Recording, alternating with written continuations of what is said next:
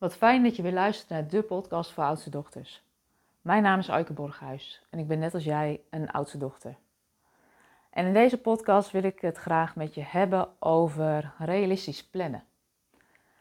En realistisch plannen is nou niet altijd meteen het onderwerp wat het meest aantrekkelijk is. Maar ik denk dat het fijn is om je daar toch even mee te nemen of je daar bewust over te maken. Want ik had vanmorgen zelf een, eh, een werkoverleg met Mira. Mira is mijn sparringspartner. Zij denkt strategisch met me mee in mijn bedrijf. En uh, zij wilde met mij samen uh, mijn takenlijst doornemen. En ik werk samen in een projecttool in Asana. Um, waar zij en Pauline en ik bij kunnen, waardoor we overzicht houden over wat er allemaal moet gebeuren. En zij zei tegen mij: Eike, ik krijg het al benauwd als ik jouw lijst open. En um, nou ja, is dat, die taaklijst doornemen is altijd al iets wat ik niet zo leuk vind. En ik snap ook wel waarom, want ze legde precies de vinger op de zere plek. Mijn actielijst, mijn to-do-lijst is veel en veel te lang. En wat ik dan vervolgens doe, is dat ik um, een niet-realistische tijdsplanning maak in mijn agenda. En een van de dingen die ik inmiddels weet, is dat um, nieuwe dingen ontwikkelen, nieuwe dingen maken, me vaak drie keer zoveel tijd kosten als dat ik denk. Um, als ik kijk naar mijn agenda de afgelopen twee weken, die zat zo vol dat ik eigenlijk geen tijd had voor onverwachte uh, gesprekjes, voor onverwachte telefoontjes, voor onverwachte acties. En nee, eerlijk is eerlijk, die zijn er altijd wel. Dat zul je waarschijnlijk zelf ook wel herkennen.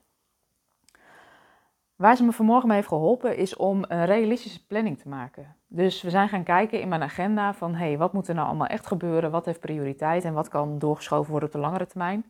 Maar ook wat zijn de dingen die Mira en Paulien van mij zouden kunnen overnemen, die ik niet zelf hoef te doen. En ik merkte aan mezelf dat ik wat geïrriteerd raakte tijdens dat overleg, omdat ik dan het gevoel heb dat ik het niet goed doe. En ja, ik kreeg ook feilloos spiegel, want ik zei tegen Mira, ja weet je, ik ben het wel gewend dat ik altijd wat achter de feiten aanloop.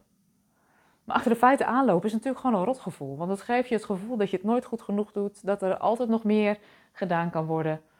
En ik zei ook tegen Mira, dit ligt niet aan jou, maar ik merk dat ik geïrriteerd raak. En ik weet inmiddels dat dat vaak te maken heeft met dat ja, er een vinger op de zere plek wordt gelegd. Uiteindelijk hebben we samen de planning doorgenomen, mijn agenda doorgenomen en uh, zijn nu gekomen tot een realistische planning. En als ik nu kijk wat ik de komende dagen te doen heb, dan denk ik, oh ja, dit is gewoon te doen. Wat het me oplevert, is dat ik meer rust voel en minder druk ervaar over alles wat er nog moet. Want ik weet dat het ergens gepland is in de toekomst of dat mensen dingen van me overnemen.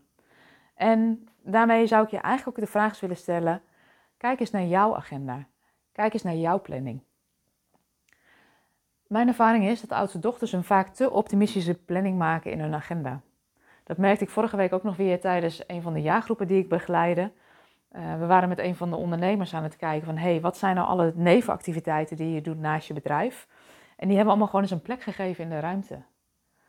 En op het moment dat we al die nevenactiviteiten, al de compensariaten, alle raad van adviesklussen, al de vrijwilligerswerk, um, uh, het, het, ondersteunen op scholen uh, in de raad van advies, um, toen we dat allemaal in beeld hadden gebracht, toen ontdekten ze ook van jeetje, dit is wel heel erg veel.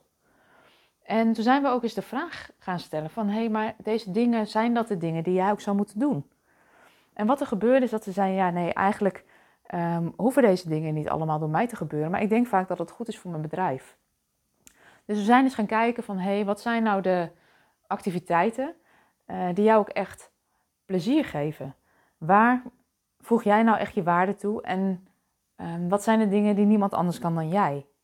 En eigenlijk ontdekten we al heel snel dat veel van de taken die zij nu op zich had genomen, uh, dat ze die op zich had genomen vanuit plichtsbesef. En ik denk dat herkennen jij en ik ook wel. Als er een gat valt en niemand springt erin, dan denken wij vaak, ah, dan doen wij dat er wel even bij. Het kost maar een paar uurtjes, dat lukt wel. Maar al die kleine uurtjes bij elkaar, al die tijd die je steekt in de dingen die eigenlijk niet zoveel energie geven en die niet heel erg bijdragen aan de resultaten die je wilt bereiken, is eigenlijk gewoon verspilling. Dus we zijn met haar eens gaan kijken, uh, met die klant, net zoals ik vandaag heb gedaan met Mira, gaan kijken van wat zijn de taken die je los zou mogen laten. Wat zijn de taken die je nu nog doet? En wat ik heel vaak zie gebeuren bij oudste dochters is dat ze te lang blijven zitten op de plekken die eigenlijk niet meer dienen, omdat ze bang zijn dat niemand anders het overneemt. Maar dit is ook wat er gebeurt. Als jij niet heel helder bent van per dan en dan ga ik dit vrijwilligerswerk of deze, dit commissariaat of deze opdracht stoppen, dan gaan mensen er ook vanuit dat je het wel blijft doen. dan is er eigenlijk niet zoveel urgentie waarom mensen op zouden moeten staan om het van je over te nemen. Dus mijn ervaring is ook, weet je, je hoeft niet ineens overal mee te stoppen, maar ga eens even je agenda door, je week door, misschien wel je maand door, om te kijken welke dingen doe ik nu en wat geeft eigenlijk energie, waar kan ik echt mijn kwaliteiten in kwijt en wat doe ik eigenlijk meer vanuit een groot verantwoordelijkheidsgevoel om het voor anderen ook goed te laten doen. Nou, ik denk dat dat een mooie vraag is om eens mee te nemen je dag in. Ehm, ja, weet je, hoe ga je om met je tijd en energie? Maak jij een realistische planning of niet? Ehm, heb je voldoende lucht in je agenda om onverwachte dingen op te uh, vangen? En ook van welke dingen staan nu nog in je agenda die eigenlijk niet meer bij je passen en die je zou mogen loslaten? Ik wens je heel veel plezier en succes met die vraag is in je op te nemen. Die vraag is te beantwoorden voor jezelf.